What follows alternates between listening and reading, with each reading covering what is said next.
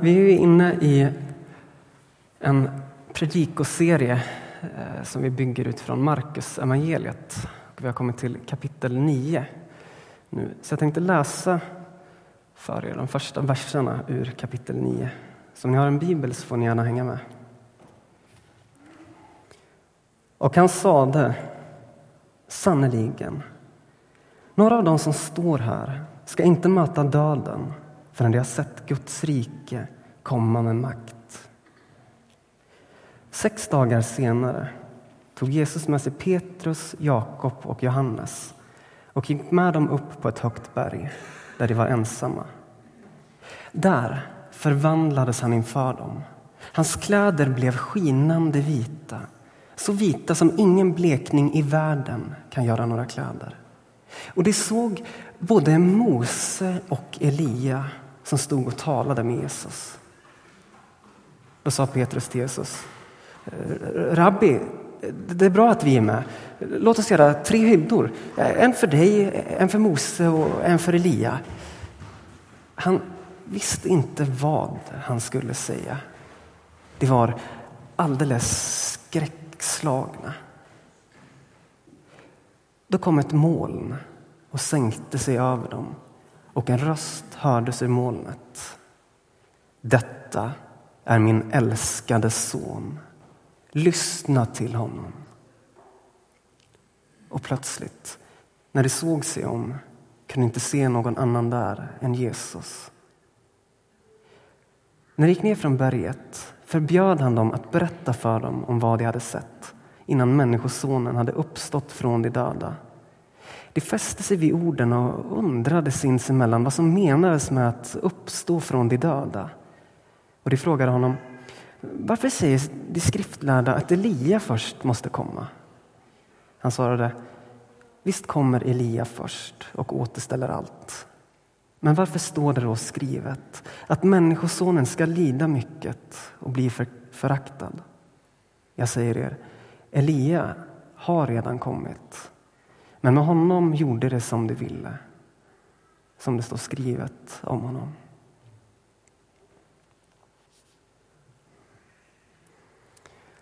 Tackar dig, Herre, för den här söndagen. Tackar dig för ditt ord.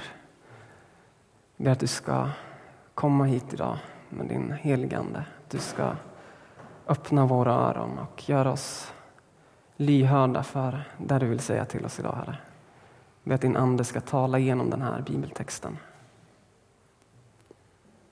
Amen.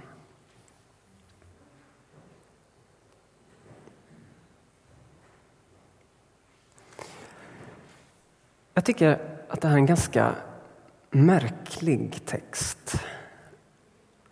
Och försök er att leva in liksom i lärjungarnas situationer. Innan Jesus har kommit så har det varit 400 år av total tystnad. Det har inte hänt några under, det har inte kommit några profeter. Gud har varit ganska frånvarande.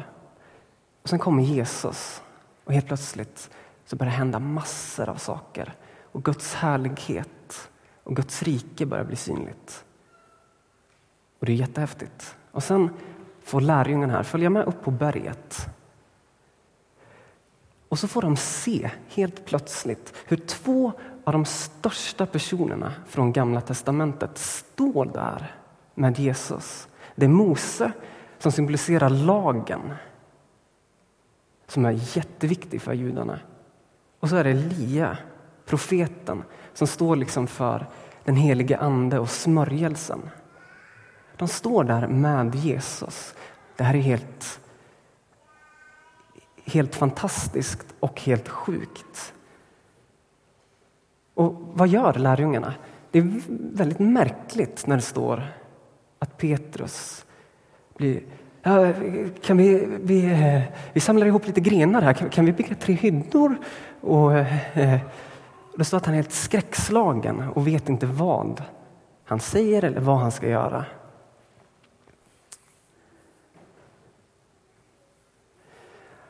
Och från början så tänkte jag att han, han var så överväldigad av den här härligheten som man får se. Och att han vill liksom bygga hyddor för att stanna kvar där, för att vara kvar och se härligheten, få se det här som Gud uppenbarar, vad det nu är. För det är ju någonting stort som är görningen här. Men det är lite märkligt om man är överväldigad av något som händer. Då skulle man vilja ta det lugnt, stanna upp, försöka ta in vad är det här? Men Petrus svarar med att försöka springa runt och samla ihop grenar.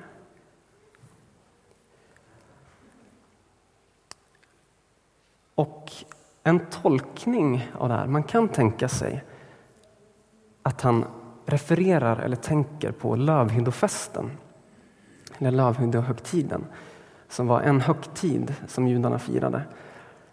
Där man mindes när man hade haft uttåget ur Egypten och under ökenfärden så levde man väldigt enkelt. Man var på väg till ett nytt hem, till en, ett nytt ställe, en ny plats.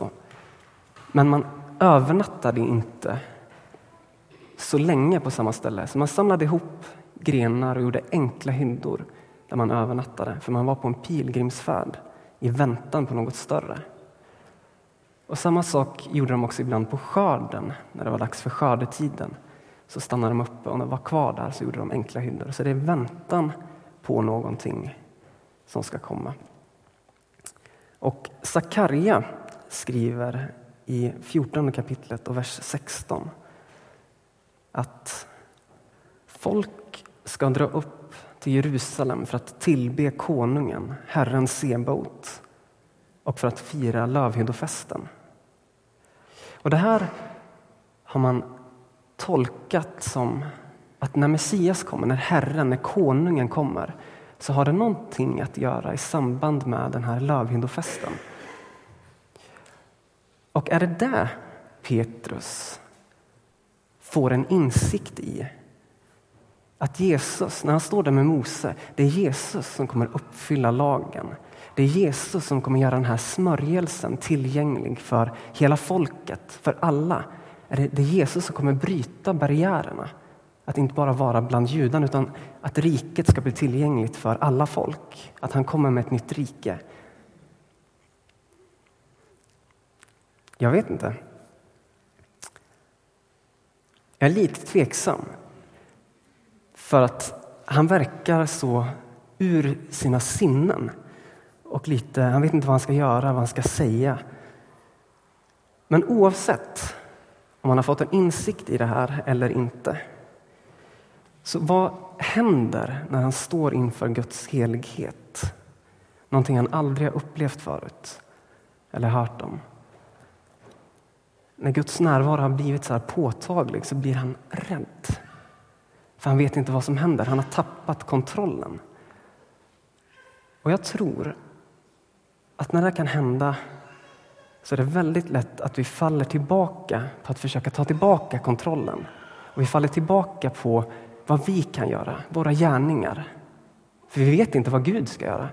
Och vi blir osäkra när vi inte vet vad som pågår eller kommer att hända. Så därför tror jag att han genast börjar att försöka se vad kan jag göra. Eh, jag kan samla ihop och göra hyndor. Vi kanske ska sova här.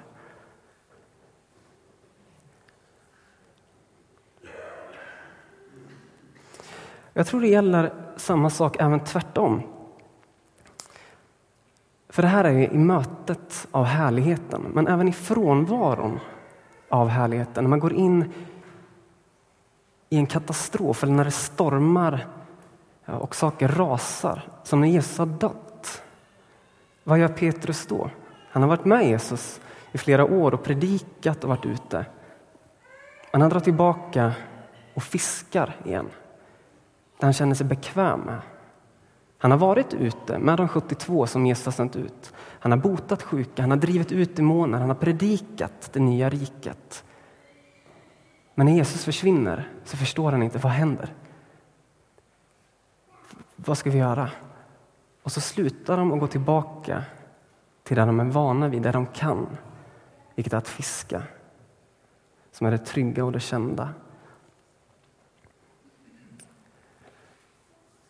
Jag predikade här för ett par veckor sedan om Och jag pratade en hel del om Azusa Street-väckelsen. Jag vet inte vilka av er som var här då, eller om, om ni har läst något om den. Men eh, där pingstväckelsen, eller det som blev pingstväckelsen. Och William Seymour var en svart slav i USA som startade en kyrka där Guds härlighet bröt ut och där folk samlades från alla olika nationer och kulturer och raser och eh, även olika grenar inom kyrkan. Det kom katoliker och så här. Och de samlades för att vara i Guds närvaro. Och det var grundstenen i hela, hela Susa Street-väckelsen. Det var pågående möten och bön och lovsång i den här byggnaden 24-7 i tre år. Höll det på hela, hela tiden. Och det varierade väldigt mycket med att folk kunde ställa sig upp och hålla korta predikningar eller profetera. Eller att man sjöng lovsång på massor av olika språk. Ibland samtidigt. Ibland så står det att det var som att hela änglaskaran i himlen stämde in i lovsången. Ibland satt man i total tystnad och vördnad och lite rädsla inför Gud. Ibland skakade man och eh, olika sådana uttryck och ibland grät man i stillhet. Men vad som är utmärkande är att de stannade hela tiden upp och lyssnade och väntade. Vad vill Gud göra? Och så anpassade man sig och ändrade sig efter vad man såg och hörde att Gud vill göra. Och då tog det sig massor av olika uttryck.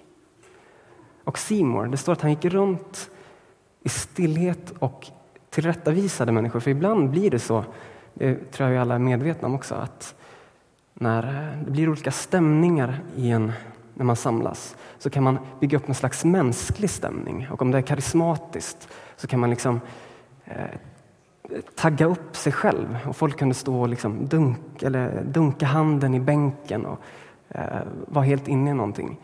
Och Seymour gick runt och hela tiden kände efter, vad är från Gud? Och så gick han fram till en person och la handen på den och sa, broder, det här, det här är köttet. Men kärleksfullt. Och ibland kan han gå fram, när någon reste sig upp och skulle säga någonting så kunde han avbryta. Nej, det är inte tid nu. Nu ska vi sitta i stillhet inför Gud. Så jag tycker att Azusa Street just, jag vill återvända lite till det här, för jag tycker de är väldigt goda föredömen när det gäller att stanna upp och se vad Gud egentligen vill göra. Jag berättade också om Charles Fox Parham som var Seymours lärare. Han gick i skola hos honom. Och Parham var från början en av grundfigurerna som startade hela pingstväckelsen och fick vara grundstenen i att börja med att forma det som kom att bli deras teologi och göra en skola, ha de första väckelsemötena och så här i USA. Och sen när Simon åkte iväg och det började hända saker på Isusa så kontaktar han sin gamla lärare och ber honom komma dit för han hoppas att Parham ska bli en av de ledande gestalterna inom den här väckelsen. Och Parham vill se gåvorna i funktion. Det är det han har längtat efter. De har läst apostlagärningarna och sett olika saker som händer och sett i sin omgivning. Det här har vi ingenting av. Det här har vi inte sett. Det här vill vi ta del av. Och de gåvorna är i funktion i Azusa Street. Men när han kommer dit så blir han helt bedrövad över att det sker ju inte på rätt sätt. Det är ju ingen struktur. Man måste ha predikan här, man måste styra upp med lovsång så, man måste ha tydlig förbönstid eh, där eller vad det nu kan handla om. Och han blir helt frustrerad. Man kan inte blanda alla de här olika kulturerna. Det blir ju kaos. Man kan inte blanda raser. Svarta kan inte få vara på samma gudstjänst som vita. Och han uttrycker sig så att vita, vad är det här? Vi ser hur vita beter sig precis som de där negrerna gör.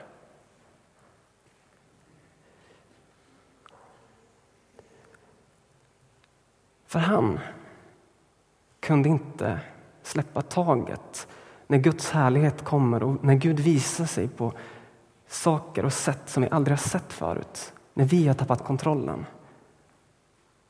Så tror jag inte han hade modet att våga stanna upp och se vad Gud vill göra. Utan han faller tillbaka på det han har gjort under sina väckelseresor. Han har ju startat lite av det här.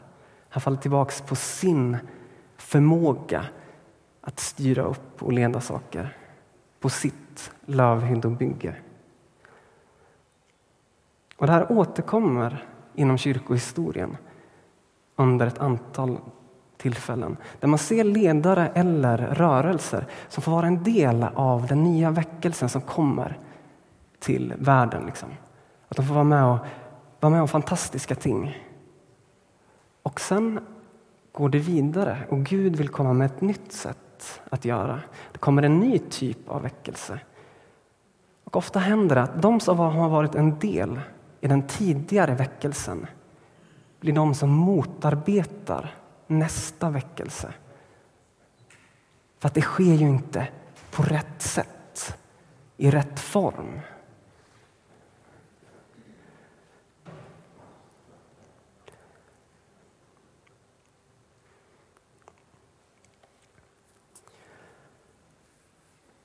Jag kommer från Örebro och Philadelphia kyrkan där. Och en söndag satt jag på kyrkfika och slog mig ner med några av våra äldsta medlemmar i församlingen. Och Philadelphia kyrkan är grundad av John Ångman som är inspirerad av Susa Street-väckelsen. Och de pratade om, för de hade varit med under tiden när det var väckelse i Sverige. Och I Philadelphia har vi ett rum nu i källaren full med proteser och ja, olika sådana käppar och hjälpmedel för att det utbröt så mycket helande. Att folk slängde ifrån sig proteser och käppar och vi samlade ihop det här i ett rum. Och Det fanns en i församlingen som hade en så stark helande tjänst som bodde en bit utanför staden. Att tåget som åkte förbi, det var så många som åkte dit för att bli helade, så att tåget stannade utanför hans hus, i närheten av huset, för att de skulle kunna komma dit. Det är helt otroligt. Och de här berättar om, de här gamla medlemmarna, om sina uppväxtår och berättar om när de fick sitta med på gudstjänster, på möten, på bönemöten, på lovsångstillfällen. När Guds närvaro var så påtaglig. Och sen så vänder de sig till mig och så säger de men det här, det här ser vi ju ingenting av längre. Förekommer det här? Har din Theodor, har din generation fått uppleva det? Har ni fått känna Guds närvaro när ni samlas?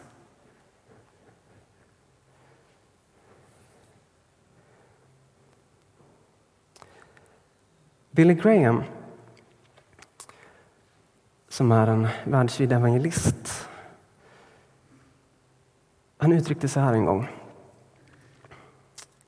Att första kyrkan, om den heliga Ande inte hade funnits så hade 95 procent av all verksamhet som kyrkan bedrev och höll på med den hade totalt försvunnit där det inte går att göra någonting. 95 procent hade försvunnit. Om inte Gud visade sig eller var där. Om Gud inte kom idag, om anden inte fanns så skulle 95 procent av vår verksamhet fortsätta precis som vanligt utan att vi skulle märka någon skillnad. Och det här är väldigt, väldigt hårda ord men jag tror det ligger en viss sanning i det här. Att vi förlitar oss på vad vi kan göra, vår verksamhet och våra gärningar, vårt lövhyddobygge.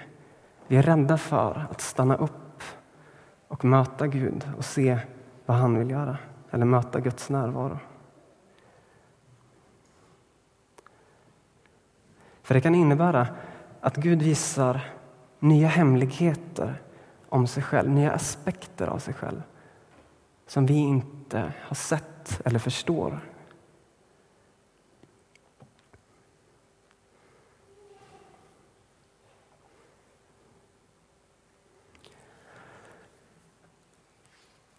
Och jag skulle vilja ta upp några tankar som jag har kring, våran, kring min generation och kyrkan idag som jag tror är lite av våra brottningskamper eller vår svaghet som vi behöver jobba med i kyrkan idag. Och du får pröva det här och du behöver inte hålla med mig. Men ställ frågan kring det jag säger i alla fall och fundera på om det kan ligga någonting i det. Jag skulle börja säga med att jag är otroligt tacksam över den kyrka jag fått växa upp i, över den verksamhet som har bedrivits när jag fått vara på scouterna eller ungdomsverksamhet, fått vara med på fotbollen på lördagar, fredagskvällarna, på onsdagsgrupper och tonårsmöten och så här. För det har gjort att jag har en tro idag, att jag är en, är en kristen. Liksom. Och jag är jättetacksam över mycket av den verksamhet som vi har. Och jag tror att väldigt mycket av det vi gör är gott och det bär frukt. Och Gud gläds över det vi gör och det vi satsar för hans rike. Men jag tror att vi kan bli effektivare. Förr, på den här tiden med de gamla medlemmarna i min hemförsamling, de hade också någonting som låg dem i fatet. Och det är syndakatalogen. Ni vet, man får inte gå på bio, man får inte gå på teater, man får inte vistas i de här verksamheterna som finns ute i världen, för det är synd. Och vi kan läsa om Levi Petrus gamla texter i hans böcker när han skriver om det. Att vi vet ju hur det går för de kristna som vistas där ute. De är på väg mot helvetet. Eller vi får se på den dagen när de uppstår hur det kommer att gå.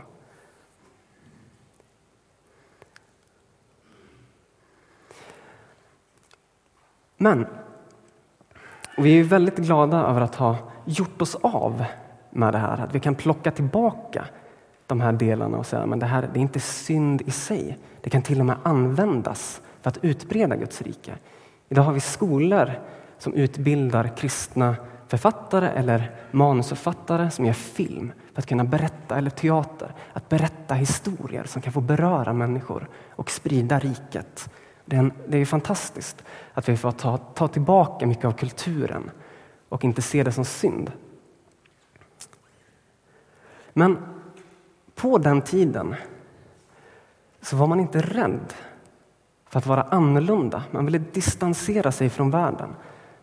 Så istället för att vara ute, man var rädd för att folk skulle börja hänga ute i världen. Så istället hade man jättemycket bönemöten och eh, gudstjänster hela veckan och massa saker som man hade.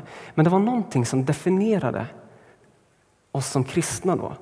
Vi hade någonting som förde oss samman och vi var inte rädda för att säga till vår omgivning att vi har svaren. Vi har någonting som kan läka era sår, er tomhet. Vi har svaret. Och vi skiljer oss från världen. De är inte rädda för att vara annorlunda.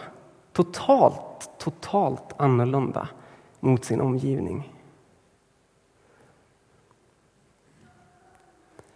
Och de gjorde fel i en del av sin avskärmning från världen. Men de hade någonting som vi ibland kan sakna, tycker jag, i, i min generation. För vi blir väldigt måna av att inte sticka ut, att passa in överallt. Att smeta över de här kanterna i evangeliet. Att göra det så, liksom kommer man in på prat om så brännande ämnen som homosexualitet eller handlar det om eh, sex före äktenskap, samboboende eller vad det nu än kan vara, att dricka eller någonting, så vill man alltid säga ja, nej, men det är, inget, alltså, det är, inte, det är inte så farligt, det är okej. Och, eh, ja, men vi har lämnat det där. Och Gud älskar alla precis som de är. Och så här. För vi är rädda för att ibland sticka ut. Jag minns när jag växte upp och jag tog med mig vänner till kyrkan ibland. Och vi hade, eh, vår verksamhet var, vi hade kvällar när vi tillbringade på en fritidsgård och gjorde massor med roliga saker. Spelade biljard och fotboll och tv-spel och så på film hela natten. och så här. Och sen hade man sina vänner där och så var man lite rädd. För man visste att ja, vi kommer ju ha någon liten andakt ändå. Jag undrar vad de ska säga. Jag hoppas de tar det lugnt och inte snackar något om synd eller dom. Eller något att man, när man nuddar arken så dör man för man möter Guds härlighet. Något konstigt. Liksom.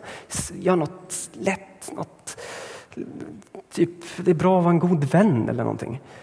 Eh, för man är rädd för vad ens klasskamrater och vad ens vänner ska tycka för man vill inte tycka att, att de ska se en som speciell eller konstig eller att man sticker ut. Och man kan hamna i att jag skäms för evangeliet ibland. Jag skäms för Gud. För att det skiljer sig så mycket från det världen tycker och det världen gör. Så vi tystnar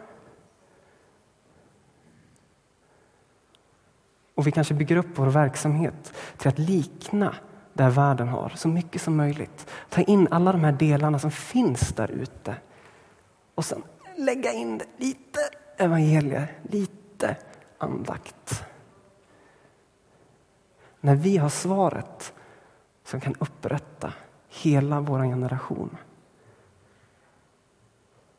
Vi kan presentera den kärlek som kan läka alla sår och trasiga självbilder fylla alla de här hålen och ersätta världens alla substitut för att fylla de hålen. Vi har svaren på det. Men vågar vi säga det? Vågar vi vara olika världen? Och Det är inte alltid en dans på rosor. Det är inte som att allt ordnar sig bara man blir kristen. Men man har en grund som är starkare än något annat.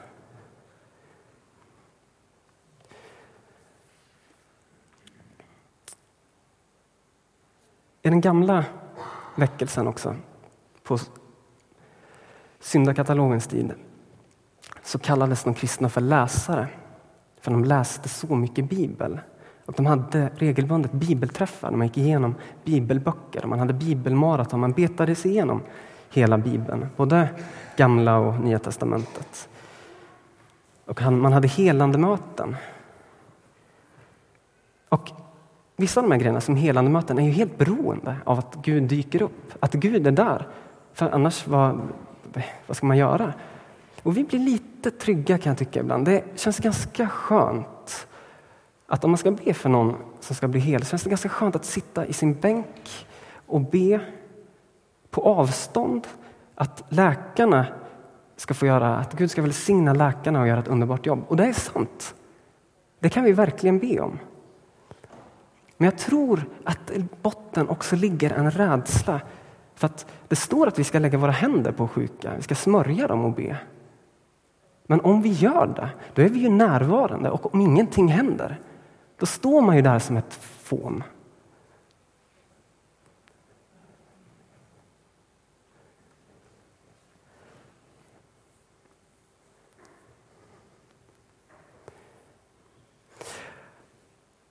När man läste Bibeln också så läste man från perm till perm. Och jag tror att vi idag har en tendens, dels har vi tappat väldigt mycket av bibelläsningen, men vi har en tendens att plocka ut godbitarna ur Bibeln som passar vår tradition och där vi känner igen oss i av Gud. Och vi sätter ofta teman istället. Om vi på en eh, en ungdomssamling så ska, pratar vi om till exempel evangelisation. Och så väljer vi ut de delarna av Bibeln som vi känner oss bekväma i, som vi förstår. Och så pratar vi utifrån dem. Och vi plockar bort de här problemtexterna och de här konstiga sakerna och alla de här som verkar motsäga varandra. Och jag tror att det kan vara lite för att vi är rädda för att tappa kontrollen.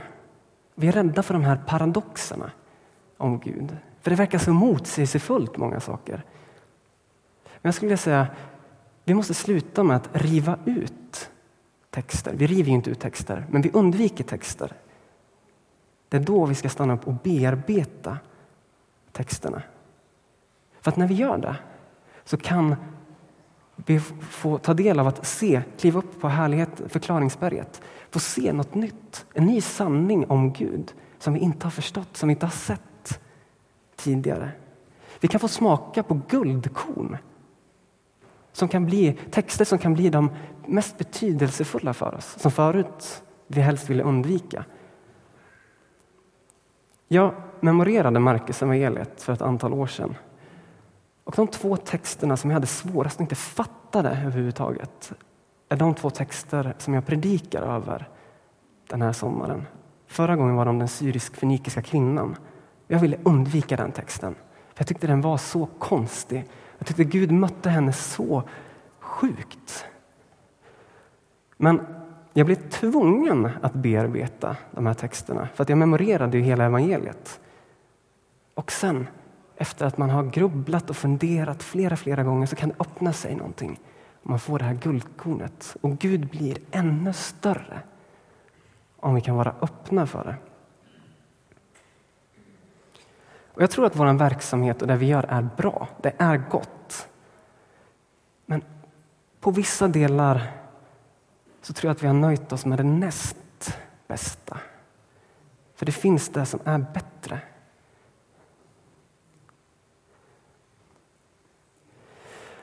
Och det finns också en annan fälla när det gäller det här med att man hamnar i att förlita sig på sina gärningar och sitt otroligt kompetenta lövhyddobygge.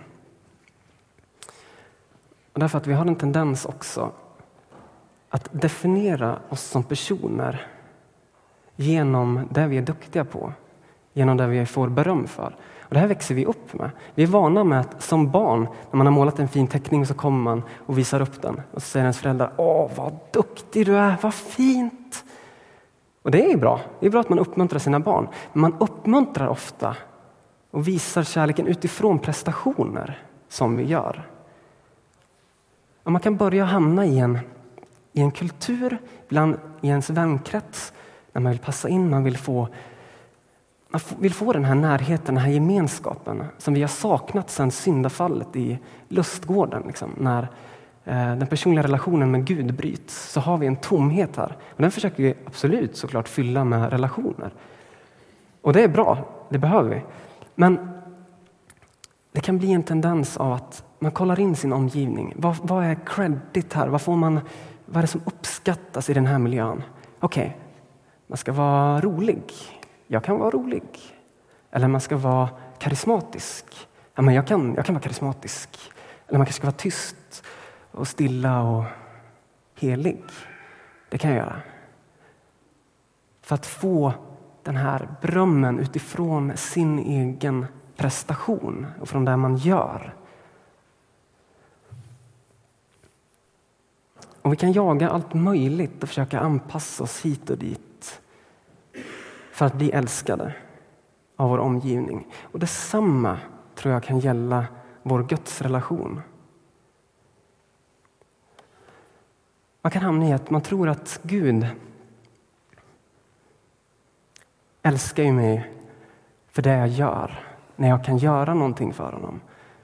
Eller när jag är duktig och helig och går upp tidigt på morgonen och ber och läser Bibeln. För det bygger på vad man har för gärningar att göra. Och så fastnar man i allt det här. Oh, jag gör så mycket fel och det här måste jag rätta till. Och det här och det där kan jag ta kvar. Om Gud ska kunna möta mig, om jag ska kunna få vara i hans helhet så måste jag rätta till mig själv. Och fixa. Om man förlitar sig på sina gärningar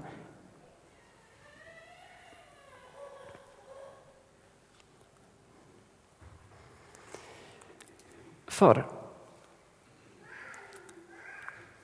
så pratar man mycket om någonting som var syndanöd. Att människor greps av nöd över att de inte klarade av att rätta till allting. De kände en nöd över att jag klarar inte min situation. Jag måste ha någonting. Jag måste få ta del av något större, av frälsningen. Och man pratar om att man fick se sin egen synd så starkt att man blev förkrossad och kom och möttes som syndare vid korset. Och där, när vi inser, när vi har förstått att vi kan inte förtjäna Guds nåd eller Guds närhet på grund av våra gärningar eller där vi försöker göra för honom. När vi märker att vad jag än gör är hopplöst, jag klarar inte det här. Då kan vi vid korset få möta Guds nåd, få möta Guds kärlek och förstå i vårt innersta att vi inte är älskade på grund av vad vi gör utan på vilka vi är i Kristus. Och där finns en otrolig glädje, en otrolig trygghet. Ifrån den grunden så kan vi börja jobba för Guds rike, jobba jättemycket. Men då vet vi att vår kärlek, vår relation till Gud bygger inte på vårt arbete. Det spelar ingen roll om det går åt pipsvängen eller om det går bra. För vi är trygga i vår relation till Gud. Vi är trygga i vilka vi är. Och sen så gör vi bara vår uppgift att försöka älska världen. Och då har vi fått möta vår egen synd. Har vi fått inse att vi klarar inte det här själva. Vi är i så stort behov av Guds nåd, av Guds härlighet. Då när vi möter andra människor så kommer vi inte ovanifrån och säger ja, jo, om du ska vara med i den här kyrkan så du skulle behöva fixa till det här och det här och det här. Men kom med och häng i vår gemenskap så kan vi få visa dig hur duktig och präktig man kan vara. Utan vi kan komma och möta dem underifrån. Brottas du, kämpar du. Jag har också gjort det. Jag har varit totalt hjälplös i mitt sökande efter Gud och i att försöka pussla ihop mitt liv. Jag har varit totalt, jag klarar det inte. Men jag kan visa dig än. Jag kan visa dig till det här korset. Kan visa dig en som gjorde allt för mig, som lyfte ifrån all den här bördan. Fyllde mig med en stor kärlek, en stor meningsfullhet. För jag vet att jag är skapad av Gud. Jag vet att jag är skapad till en relation till honom. Att han älskar mig oavsett. Och att jag är skapad för att föra ut hans rike. Och då kan vi hjälpa människor till korset i ödmjukhet.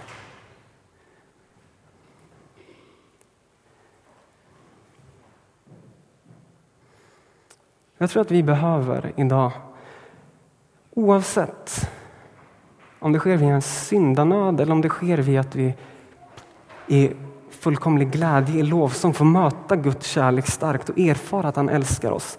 Men på något, jag, jag vet inte hur det kan gå till, det kan säkert gå till på många olika sätt. Men vi behöver få erfara den sanningen vi alla vet egentligen.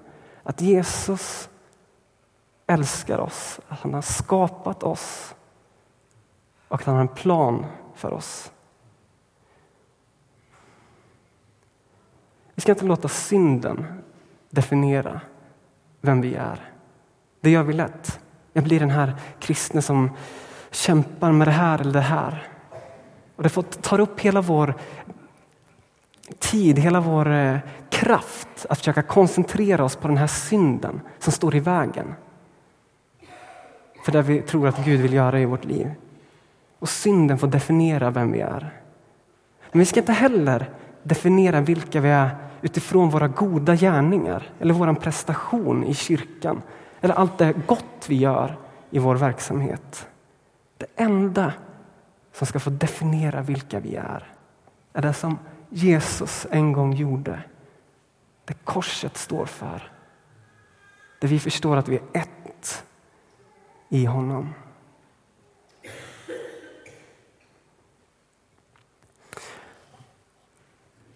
Jag tror att Petrus får se det här otroliga han får se på förklaringsberget. För att Jesus också vet att han kommer att falla.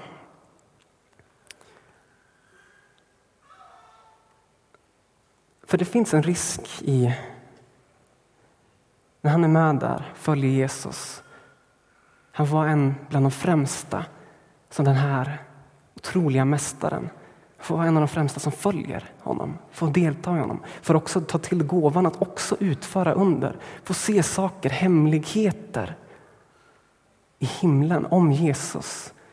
Om att han är Messias. Han får ta del av hemligheter som ingen annan vet. Och det finns ganska lätt då att man kan bli lite högmodig och förlita sig lite på allt det man får ta del av. Jag tror Petrus behöver förneka Jesus på det sättet att när han sen blir upprättad så vet han att Jesus älskar honom. Inte för allt det han gör för honom, för att han är en del av hans största, första kyrka som får sprida underverken. Utan Jesus älskar honom även när han totalt har svikit Jesus. Allt, allt har fallit. Då kan Petrus bygga upp en sann självbild om sig själv och vem han är. Och Det står att han sen hade tuppen som sitt eget sigill. Han visade överallt tuppen, visade sin största svaghet, sin största synd i sitt liv gjorde han känt för alla. För han var inte rädd för synden längre. Han var inte rädd för misslyckanden. För han visste att just misslyckanden, just synden kan få bli en språngbräda till att få möta Guds kärlek, till att få möta nåden. Och sen han göra storverk för Gud. För att han byggde inte sin självbild eller sin definition om vem han var eller vilka kyrkan var utifrån prestationerna, utifrån deras lövhyddebygge. Utan ifrån att han var skapad av Gud och lyssna in vad vill Gud göra. För jag vet, jag vet inte alls vad som händer och Gud kan överraska mig på massa olika sätt. Men jag har lärt mig att vara trygg när det saker stormar och jag inte vet vad som händer kan jag vara trygg för jag vet att jag är ett i Kristus. Jag vet att han älskar mig. Jag kan släppa taget. Jag behöver inte bygga de här hyddorna eller bygga eller försöka liksom, eh, ja, hjälpa honom på något sätt. Då kan jag vara stilla och lyssna. Vad vill Gud göra?